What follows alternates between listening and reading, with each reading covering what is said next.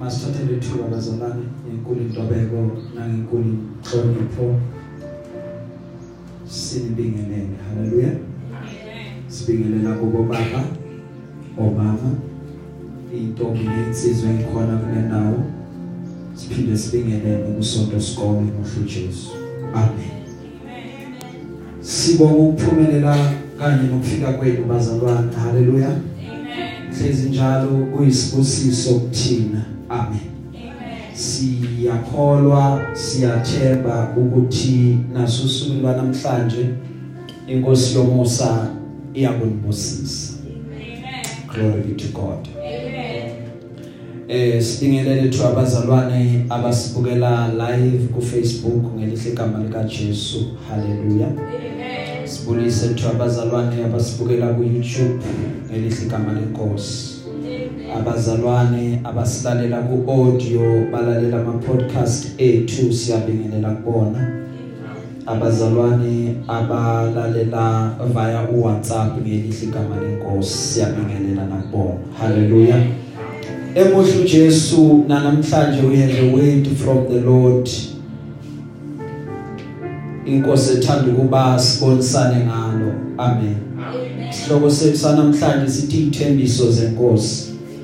God's promises. Glory be to God. Amen. uNkulunkulu uNkulunkulu othembisayo. Amen. So sizobuka lokho ukuthi umethembisa ingabe uyafeza yini umethembisa ingaba kafezi yini and kungani afeza lo asuka kuthembisile glory be to god amen so izolo kube khona few things engiye ngazibhala ngithanda ukuba sibonisane ngazo sifunda incwadi kaNumeri the book of numbers chapter 23 iverse lilodwa lapho iverse laka 19 siphinde sifunde incwadi kaJoshua Joshua chapter 23 verse 14 glory be to God. Eh incwadi kaNumeri the book of numbers chapter 23 verse 19 iverse lilodwa Sicelo yedwa bazalwane bese esifundeni. Incwadi kaNumeri chapter 23 verse Yes. 19.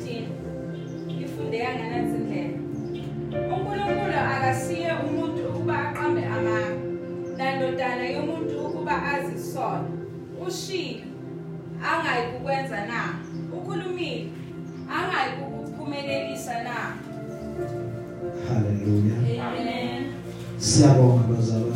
Amen. Ake ngifunde ngesilungu ithi God is not a man so he does not lie. He is not human so he does not change his mind. Has he ever spoken and failed to act? Has he ever promised and not carried it through? Hallelujah. Amen. Joshua chapter 23 verse 14 Incwadi kaJoshua. Bekani, namuhla ngiyakuhamba indlela yomhlaba wonke.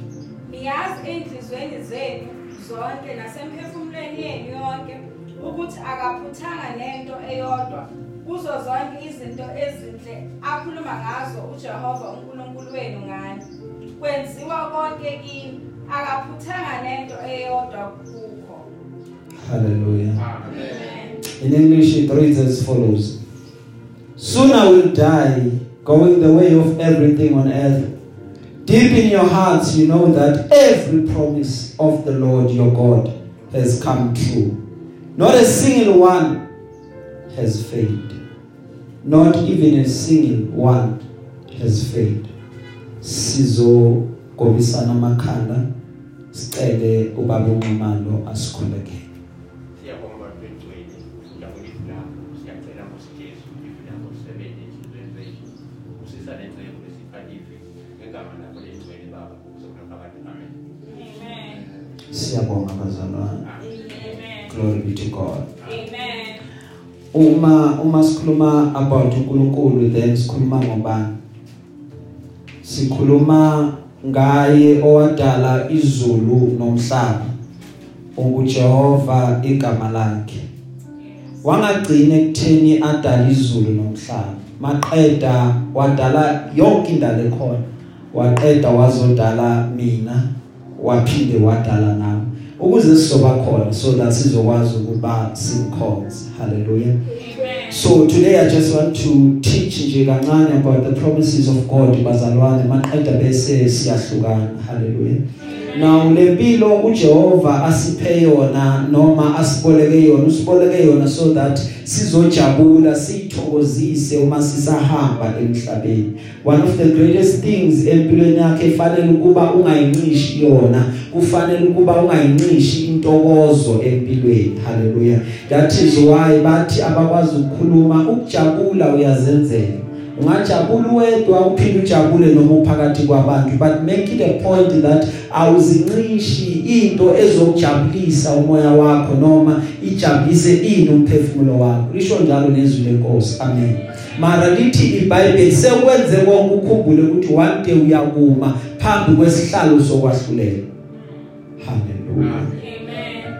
Uma sikhuluma ngoNkulunkulu sikhuluma ngaye lo uMose wafika wambuza wathi Nkosi ngiyavuma uyangithuma esizweni sakho ngiyavuma uNkulunkulu uyangithuma ebantwaneni bakho kepha ngiyothi ngithunywe ubani ngiyothi ubani lo othe ngizonikhipha but simuza uNkulunkulu athi uma ekhuluma noMose hamba ubatshela ufike utshele uFaro naye Israel ukuthi unginguye nginguye uyena ukuthumile ungikhona uyena othe woza la uzofika uzobakhipha.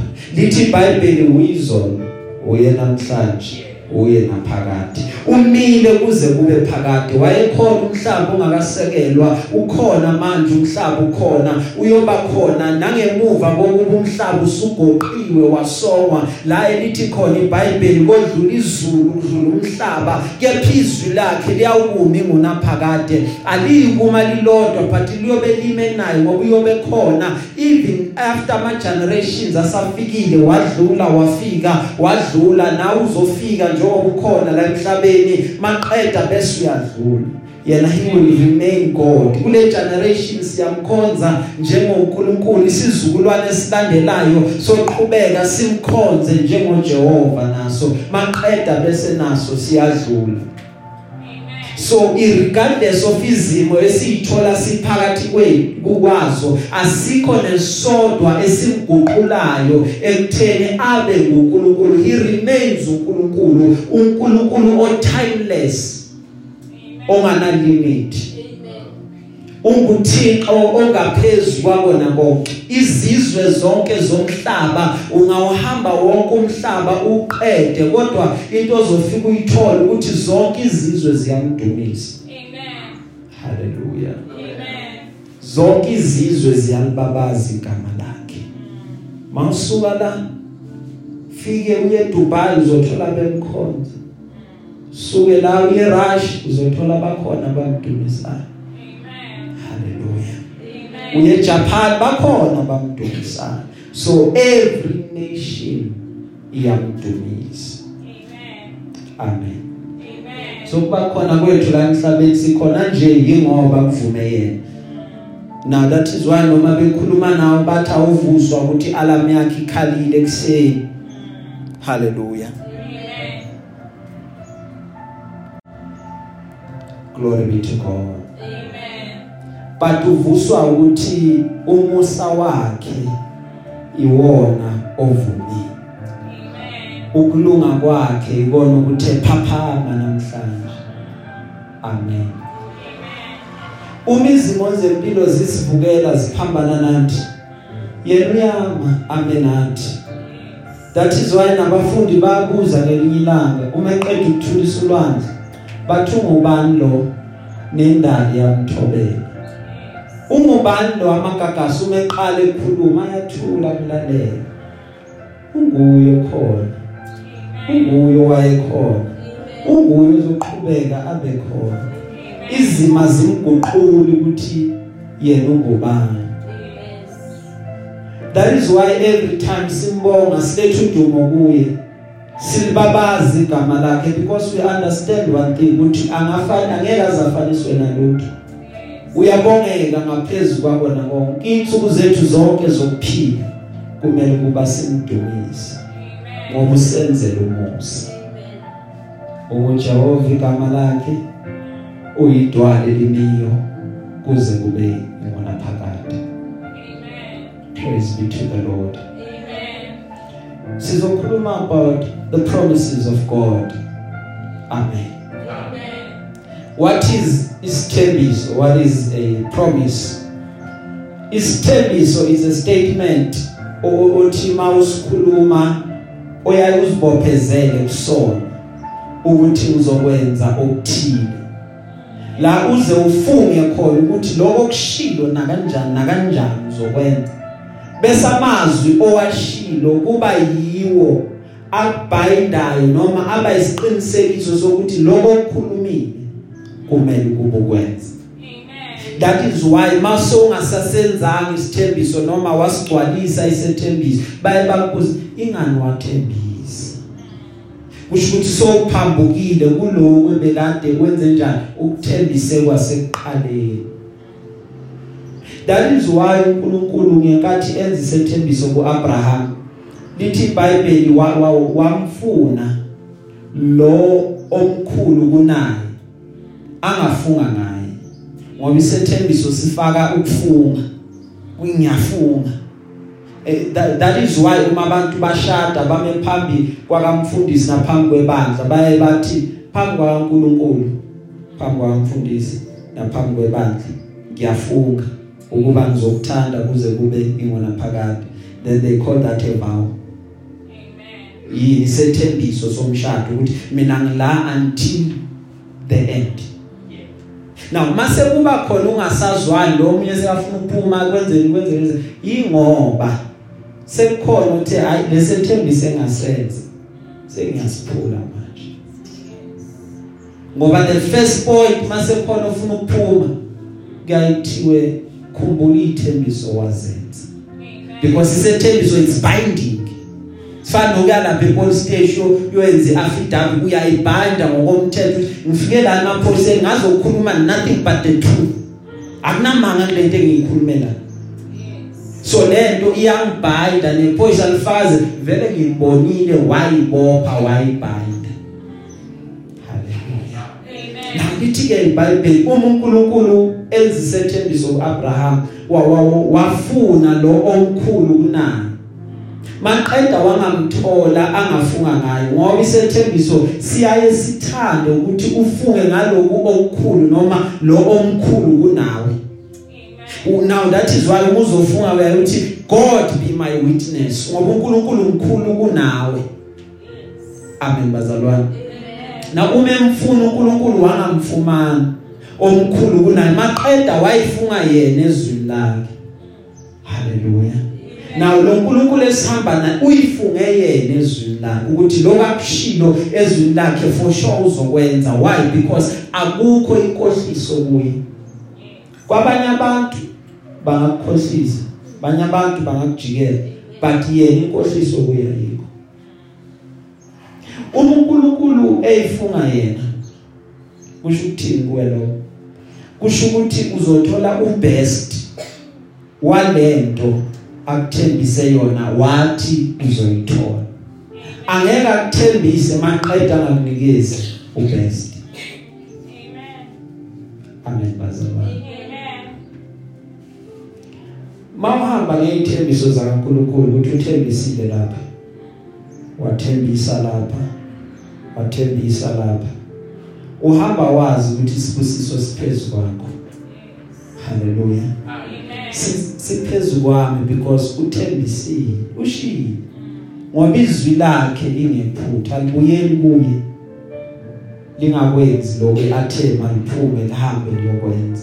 Amen ayikho iminyango ezovalelwa wena mawuhamba ngokwezithembiso zakaNkuluNkulu ngoba uNkulunkulu uvula umnyango maqeda kungavali umuntu avala umnyango maqeda kungavuli umuntu so akukho nokodwa okuyakuma against wena if uhamba ngokwezithembiso zakhe. So kubalekile ukuthi you take him at his word. uNkulunkulu ohlele ezulwini kepha lithi iBhayibheli uphinde enze noma ngayini ayithandayo phezulu komhlaba but izwi lakhe uyalimela. Izwi lakhe limile kuze kube khona phakathi. Amen Amen. uNkulunkulu akamhloniphi umuntu God God God is no respecter of men Yes. akekho umuntu angathi uJehova lo ngiyamhlonipha but he is a respecter of our principles akhe Yes. why why why lithi iBhayibheli akamhloniphi umuntu ungakholwa wena uthandaza uvute mara kube khona isikhathi sokuthi kuyotshalwa kumenyezelwe la uhlala khona isikhathi sokutshala manje. Bakunikeza imbewu bamavimbele. Bathi na imbewu hamba uyotshala thathe le mbewu wena uyibeke lapha ekhabetheni uhlala baba ngiyathandaza ngegama lika Jesu makumile Nkosi. Uvuna nala ungatshalanga khona. Ya khulise nala ungatshalwanga khona usho njalo. Maqedwe ungatshala kube khona umuntu ongakhoma ongathandazi alithathe le mbewu menikezwe ayoyifaka emhlabathini. Maqeda ayinisele le mbewu ayinisele le mbewu. Umbuzo wami bazalwane ukuthi uNkulunkulu uyobusisa bani?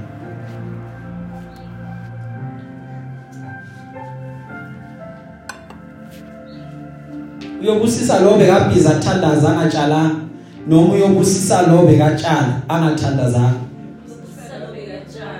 angathandazanga siqedelele bazalwane ngashiya hafu haleluya so that is why lithi ke iBhayibheli uNkulunkulu akahloniphi is no respecter of man but he respects the principle. So abantu babusiseka njengangokulandela the principle ebekwe uye now that is why kungafanelanga siyithole isikhalo ukuthi inkosi inganoya ngazi ukuthi akathandaza ingazi ukuthi loya akakholwa. Mina ngiyakholwa kunini ngithandaza mara ngibusekanga yingoba kune principle ayibambile. Kwangazuthi singayombuza what is the principle that you are using ukuthi uflourish usucceed kangaka? Maqeda uma ilungile siyayithatha siyayapply Amen. because i principle uJehova uyayihlonipha. Amen. Umuntu umupha njengangokwethukuthuku zakhe njengangokusebenza kwakhe. Usebenzile God will reward you. Why? Because uhlonipha the principle. Amen. izwi lakhe libuyele emuva linambatha alibuyeli ngafezanga lokho eliphumele wamthuma walithumela kona ukuthi hamba uye lapho ufike wenze 1 2 3 and 4 izwi lakhe linamandla babuNkulunkulu uyalinda izwi lakhe ukuthi lize lahambe lifike liphumelele la alithume khona. That is how God works.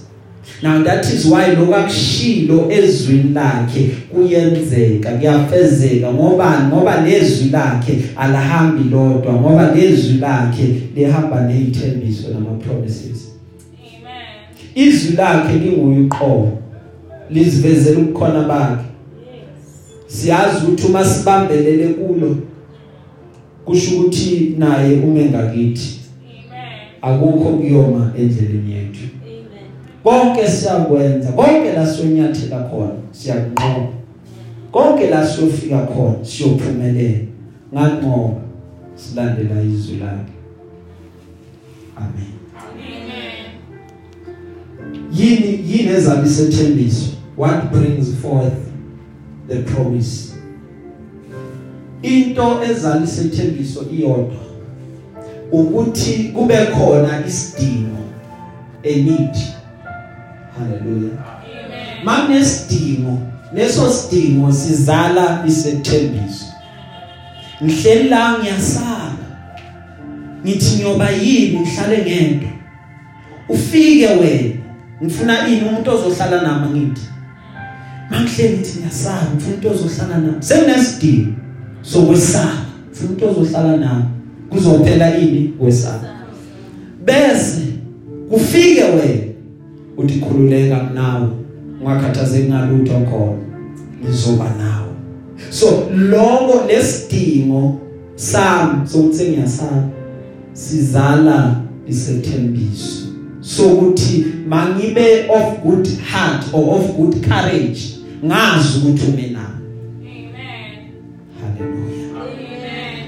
bese isithembiso sivela njengekhambi ukuze kugcwaliseke isidingo esisuke sikhona ngaleso sikhathi Amen. yiyo into eba yisolution yalento esiyidinga ezofika ivale isikhala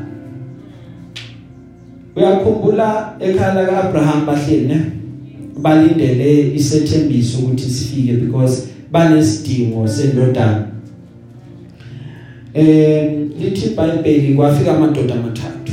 Makufika amadoda amathathu ekhaya kaAbraham.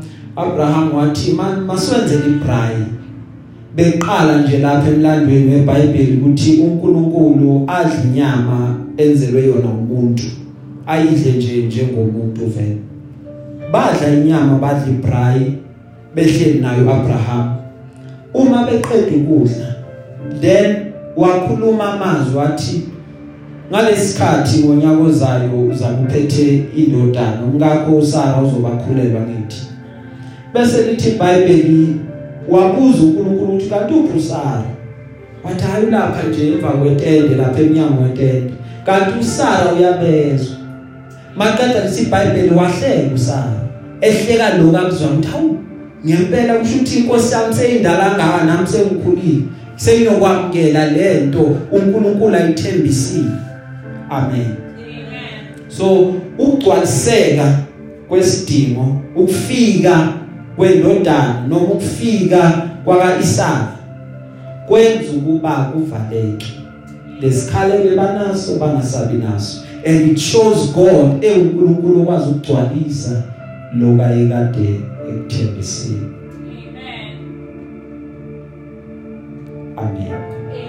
kuthi mangithi ukuba khona kwesithembiso akubonakali kangako?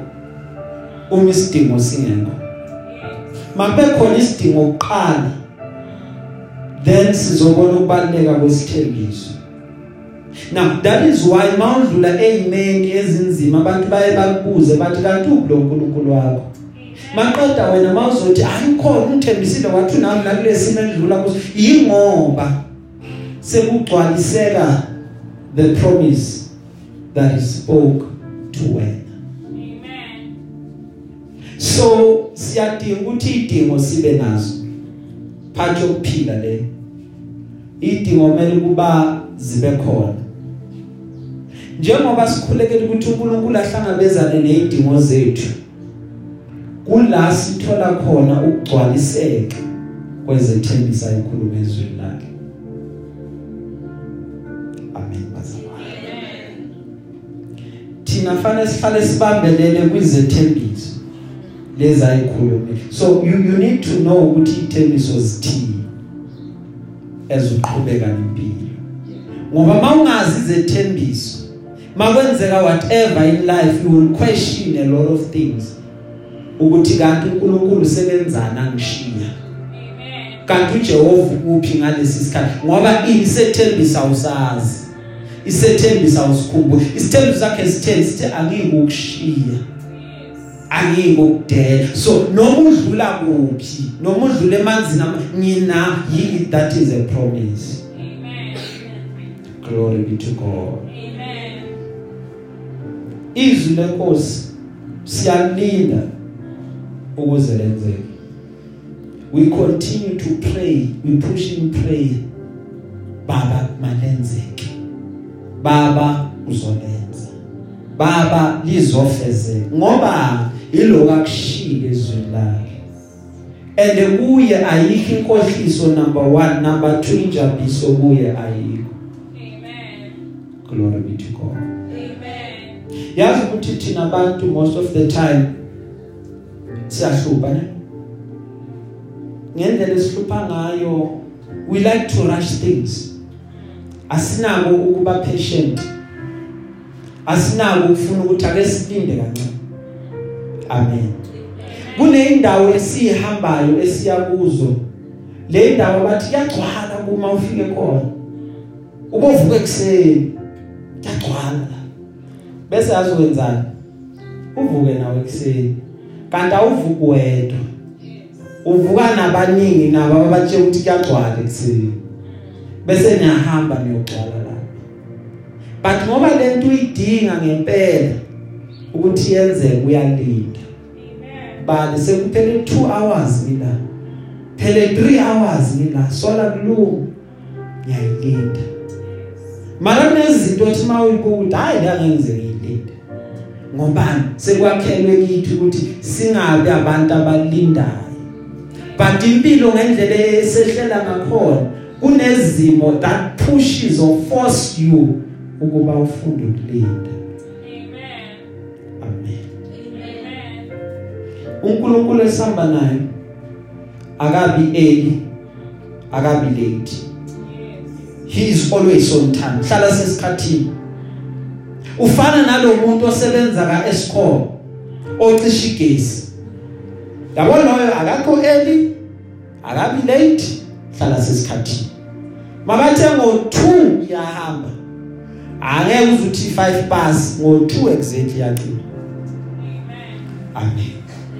that is why bathi loyo hlezi njalo a deliver izethembiso azenzile makathe ngo2 agage unless baguqukile ke batayi namhlanje isahamba Amen. izinto uJehova uzenza ngesazo isikhathi. We we need to learn sikukhumbule lo ngesabo isikhathi inkosi yokwenza. Amen. hayi ngesami. Hayi ngesabantu ngesazo isikhathi. Kunezinto ezingenzeki manje. Kumele ngibuyele kuJehova. Baba kushuthi akusiso lesi sikhathi. Ngithembe wena ngokwesazo isikhathi.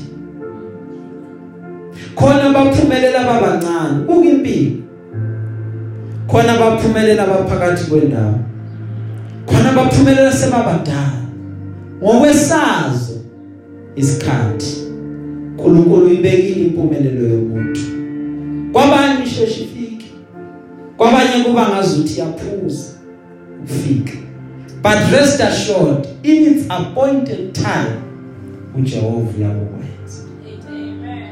glory be to God Amen. into nento bazalwane imiselwe esayo isikhathi once we understand that siyakuba abazalwane bangcono Amen. glory be to God.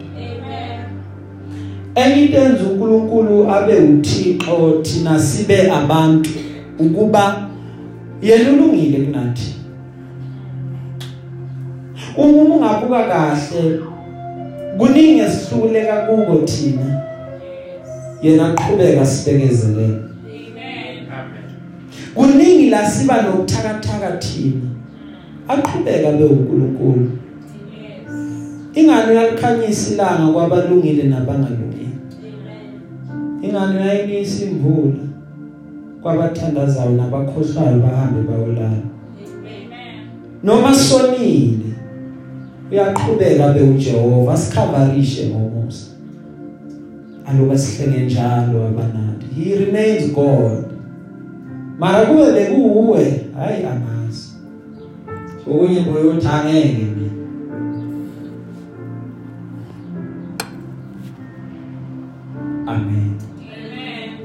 Aphinda sidlulise imeni ekuthi mawubuka uthi ngabe ngifile lapha ngi ngingene njani engozini yemoto? Yaphela imoto? Maqeda ngangafa. Ngidlule njani ekutheni ngikhonjwe ngebhamu? Ngaphuma. Ngenzakalanga njani? Yena walile. Ukuba ufe. Noma izinto ubona ukuthi lapha elapha bekubhela yabo lapha ah lapha bengihambile lapha. Mara wala wakufihle emseni wakhe. Amen. amen. Amen. aphinde enze make sure ukuthi you are taken care of you are provided for. Uyanakekeleka. Noma ungazi ukuthi mina haya ngisebenzi but uJehova keeps on providing. Ubona unakekeleka. Ubona ugcineke emseni wakho. Ubone nomndeni wakho ugcineke. Haleluya. Ithembiso zakababa uNkulunkulu zimile ngonaphakade uyayifeza futhi zonke ithembiso zenzile kuneyikhathi la uPaul mawufunda iBhayibheli athi ngiyafisa ukufika kini khuluma nabazalwane. Kepha kusanento engibambile enza ukuba ngakhona ukuthi ngifike kini but ngizogcina ngifikile. Amen bazalwane. Ungagcwaliseki kwesethembiso kuphatha kabi umuntu. Lo owenze kuye isethembiso akaphatheki kahle. Ngoba uhlala ebhekile athi kuze kube manje lento akayenzanga kuze kube manje lento ayikakenzeki kungani angayenzanga? Bese akasaphatheki kahle. That is why ungathembisa umuntu njalo ngiyeza ngizoza ngizoza ngizoqeda ungafiki. Uthi uqala abe nenjabulo abe nesasasa ukuthi uzofika. Ajabula ajabula uphinde kwesu hayi angkhona ukufika yini hayi. Mase lo uqhubeka ngizofika. Uvela hayi sengiyobona ngawo mawufika noma bekazokulungisela isiphuzo ukuthi mawufika ube nento ozoyiphuza namakheke awalungisi ngalelo la. Mawufika umthole nje ahleli thawu akunakho drink akunani? Athi hayi phela nawe awuthembekanga. Kunini solo ukuthi uzofika maqeda lokho ungafiki. Amen. Akakho umuntu oright onomani ongafuna ukuthi lokakushilo maqeda ngakwenzi lo ongafuna ukuthi lokakushilo maqeda ngakwenzi kusho ukuthi kukhona lento engekho normal kuye. Amen. Once wakhuluma sakhiwe ngendlela yokuthi sibambe lokukushilo sihlale kuwo sikuthembe ukuthi uzokwenza. Inkinga yethu iqala la songasakwenzi khona. Ngoba fanele ukuba ukhuthalele ukuthi ube umuntu othembekayo kuzwi nezwi olukhulumayo uma ungasakhonanga alikho icala. Kepha xolisa uthola indlela to make amends yokulungisa ukuthi la singalungisa kanjani. Maqeda bese uyalungisa. So that igama lakho ebantwini nalo lingalimali. Lithi iBhayibheli better is a good name before abantu kunokuba umuntu anuke kamnandi. Akufanelanga ube ubayamusho phakathi kwabantu. Hayi lo ngakalunganga lo bamusho vele. Maqeda nawe ufika ubaprove vele ubaboni vele uyilento abantu abayishoyo. Glory be to God. Amen. Ithembisa ngithi ziyakhulunywa. Zinamandla izinto ezikhulunyiwe bazalwane. Everything spoken is very powerful. Umhlaba uzube umhlaba yingoba waqhamuka emazwini akhulunyiwe. Spoken word. That spoken word inamandla. That is why noNkulunkulu mekhuluma encwadini kaMshumayeli uthi ungenzi sethembiso kanti awuzi ukuthi usifeze. Because lamazwi lawa yiwona abinding. Ngoba lokho kubanjwa emhlabeni okuboshwe emhlabeni nasezulwini boshiwe okukhululwe emhlabeni nasezulwini kukhululi why? Binding. Amen. Inamandla into enjani ekhulunyiwe khulunywe kwathiwa. Glory be to God. Ngcono ukuthi ungakhulumi kunokukhuluma. Lithe izwi lenkosi sixushiwe ngamazwi omlomo wethu. Utheni wena ngomlomo wakho abanye bethu sisafara ngalendlela esisafara ngayo ngani ngoba izinto esikhulumayo abanye bethu sidlula la sidlula khona ingoba ilezi zinto esikhulumayo Now that is why fanele uqalele if if awujwayelanga uqalele from manje ukhuluma okuhle kodwa. Ubize konke lokho ufuna ukuba yikho. Ubize yonke into ofuna ukuba yiyo. uNkulunkulu will do it. Amen. Hallelujah. Ukushintsha kwempilo yomuntu into encane into engathatha a very short time. But are you ready ukuthi impilo yakhe iguquke na? Noma you are not ready. We check we observe. Ukhulume wathi because umuntu ugcina phila kahle kahle umuntu akagcina phila emhlabeni. But umuntu ugcina aphila kulamazwi abeloke ewakhuluma. They shape you they change you they become impilo yakho. Amen. That is why isitha masifuna ukukuhlupha sifika kuwe sikwenza ukuthi ukhulume izinto ezinegative waqala wakhuluma okunegative isitha siyagadla ngamandla. Fana noJobe lithi iBhayibheli zithe mazimehlela izinto lithi iBhayibheli abonanga ngaloko abekade akukhuluma amen. Nawe ungoni ngaloko ozokhuluma manje thina siyathanda enye into esiyenza si-invite even nokufa. Hey ngafa inhloko. Hey ngafa umlenze. Ngafa isandla ngafa ma amakhazi so you attract lento le kufa unto you. Amen. Amen. Omunye washo few years back ngafa inhloko. The following day kwaphuma umbiko ukuthi ushonile. Mababuza uthathwe yini awukhale ngenhloko. Lento abekade ikhuluma ya manifesta empilweni yakhe. So noma ungafikelwa ukugula kufike kuwe. Never say ngafa yiloko ngafa yiloko usibona nje siyahlupheka. Kanti lele lohlala vele lele khona. Angisebenza anginamzamo.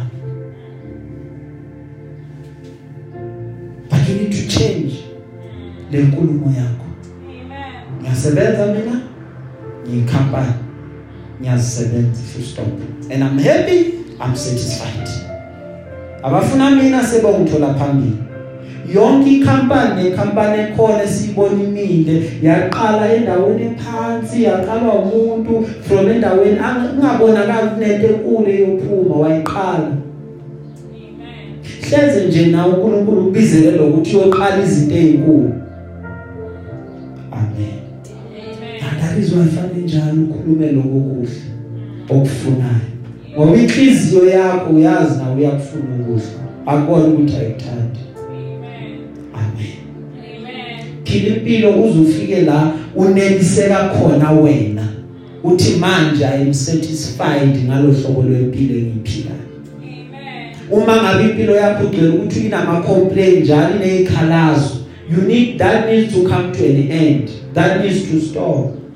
Cela uNkulunkulu athi uthi baba give me a grateful heart. Amen. Eyindoda yayikade ihamba complain bathi le ndoda icomplainela one thing ukuthi akunayo icathulo.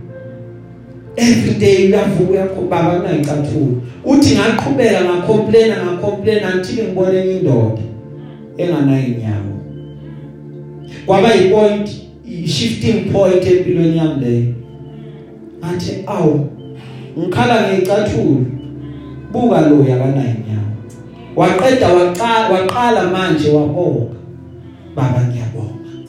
Umphili inyawo abanye abanayo ngiphile inyawo Nkosi. Abanye banazandla. Ungiphile inyawo Nkosi. Ngiyakwazi ukuyihambela. Abantu banazi inyawo lezi kodwa balele. Mina ngisavuka every day ngiyozama. Baba ngiyabonga. Because a grateful heart iguqula izinto eziningi empilweni yakho. Amen. Funda ukuthi uphambane nezimo.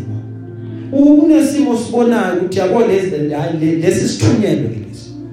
Lesi nje size kimi direct siqonde mina direct. Fanele ukuthi mangikhuluma ngikhuleka ngikhuzini imoya yobumnyama Amen. bakhuleki nje any kind of prayer but lokuthi ayithula so bamba umsindo too much shut up. Or bakushaya ikhwama zeqeda liphuma because you don't belong here. You observe isimo nesimo sifika kuwe Amen. amen. Amen. The question is why why uNkulunkulu angafani nabantu? Why uNkulunkulu angawaqambi amanga? Ingoba yena vele ungumlomo ongathethi Yes. kungani uNkulunkulu angakhulumi into azohluleka ukuba ayenze?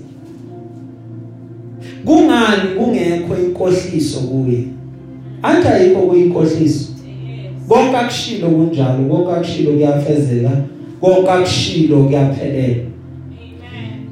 ingoba uh, uthi omunye ekhuluma uNkulunkulu uma ekhuluma ungathi into uyibona ukuthi imhlophe athi uNkulunkulu lento ibovu lento akhulume nayo fanele iguquke ibe red so that kungazoba khona amanga kuye.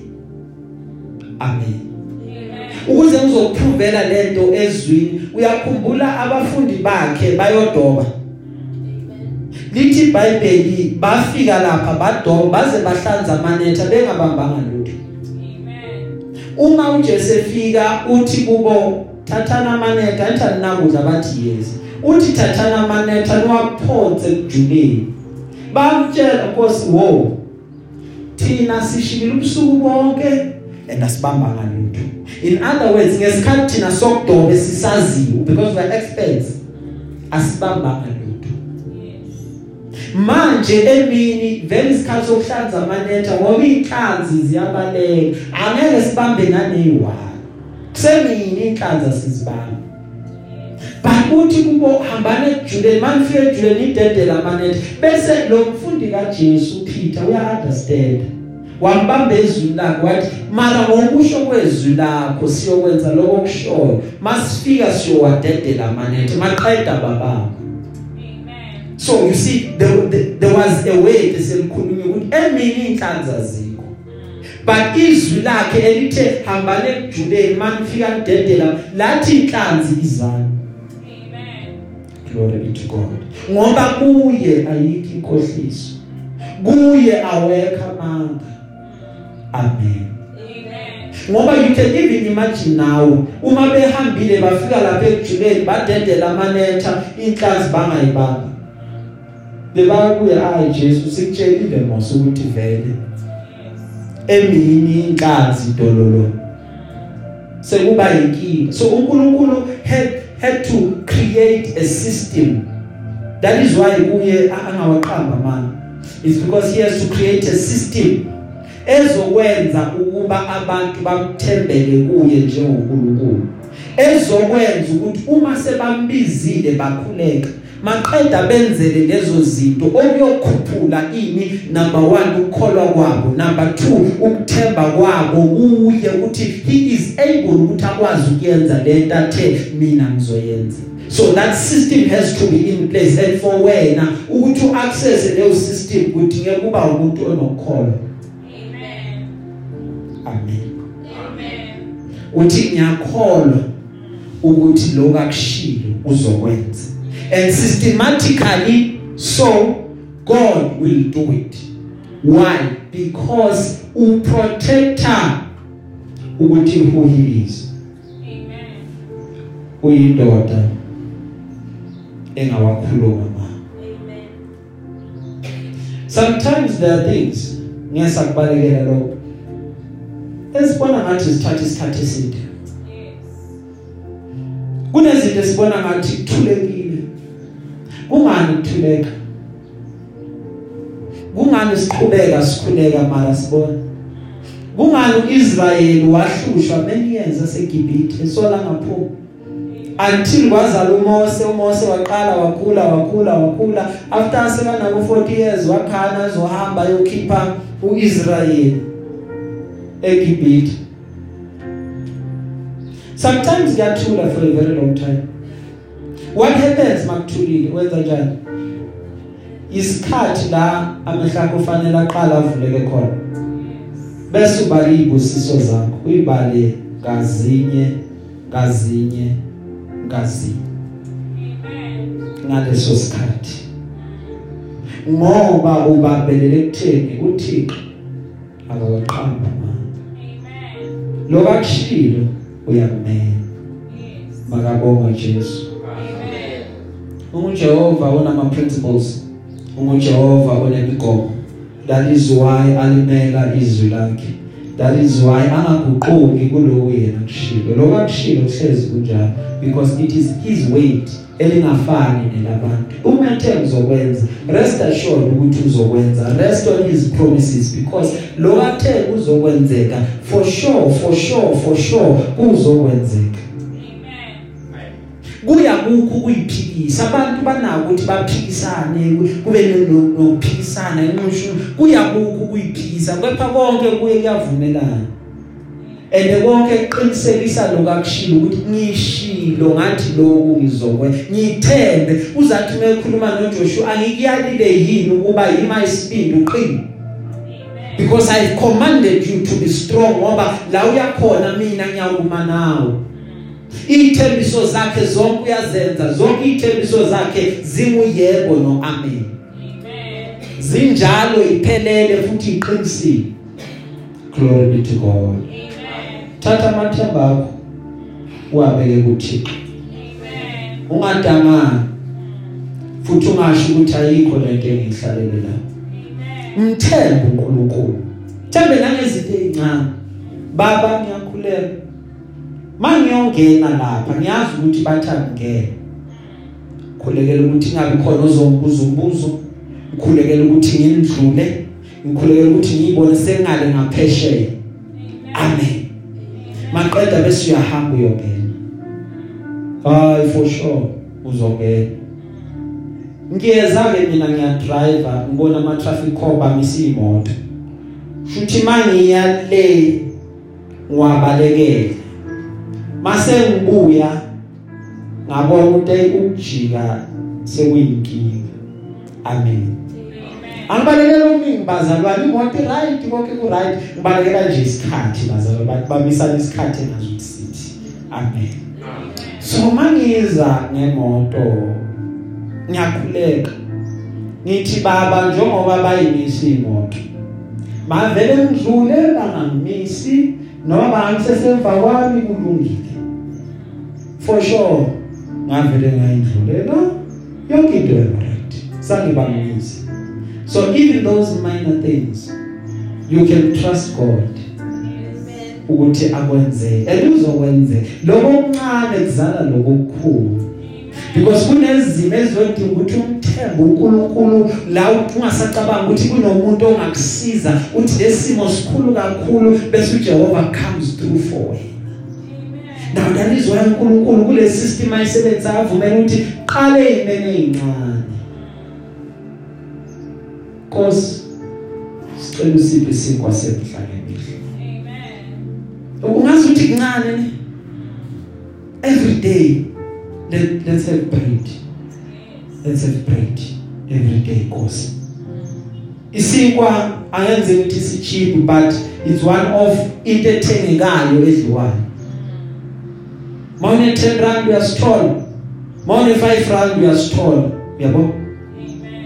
13 14 rand uyasithola sidle sonke mara akululanga ukuthi ungathola into efana nekota ye5 rand lesikhathi plus ikota idlu i1 awudli nabanye.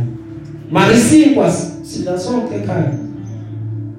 And ukuthi sibe khona usuku nosuku it's not ukuthi it's automatic. Ingoba uNkulunkulu is providing for us. Kunamakhaya abantu abavuka bathi baya ku break thini break thini end. Amen. Mara wena ungathi baba cela usiphe isipho semihla ngemihla.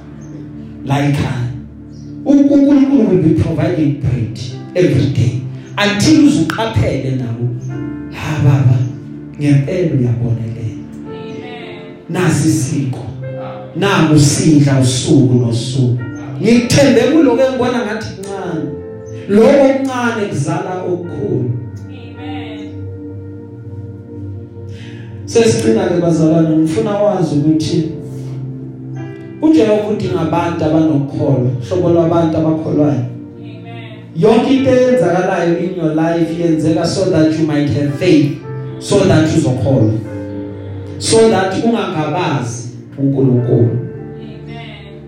Ukuze uzombona uNkulunkulu akumangalise phumula kuye. Hlala kuye. Umthembe noma sewubona ukuthi yazi lento engiyithembile angiyiboni. Umthembe. Relax kuNkulunkulu baba ngihleli kuwe angiyindawo Mele njalo uhlala ukhuluma noNkulunkulu ngokukhuleko then emkhulekweni kula nivumelana khona ngezinto. Siyavumelana Nkosi ngalokho Jehova siyavumelana ngalokho Nkosi cela isenzele lo Jehova cela ungenzele lo ngithwale la ungihlenge la. Then uNkulunkulu uzombona kulezo zinto enivumelane ngazo azenze azenze azenze. Then ekugcineni wena uzofakaza ubone uthi waze wathembeka wesimakade Amen. Amen. manivumelene noNkulunkulu emthandazweni bese wena walinda ukufezwa kwezwi lakhe alisho kuwe the day wenzeka uyakumdumisa ngendlela esimanga why because you will say god you are faithful. Amen.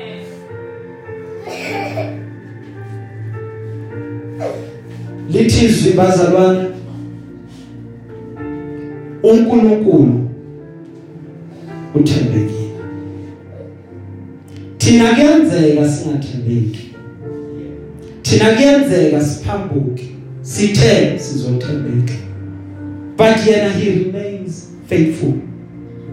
Ngoba lokakushila kumele kuba kufeze lokakushilo kumele kuba akuphelelise ngani ngoba he is God over all. Amen. Amen. haleluya Amen. isifundo sethu sizophelela la usuku namhlanje bazalwane. Kwanga inkosi yomusa ingabusisa ukufunda kwezwi layo. Izwi layo hlale njalo ligoboza enhlizweni zethu. Amen. Amen. haleluya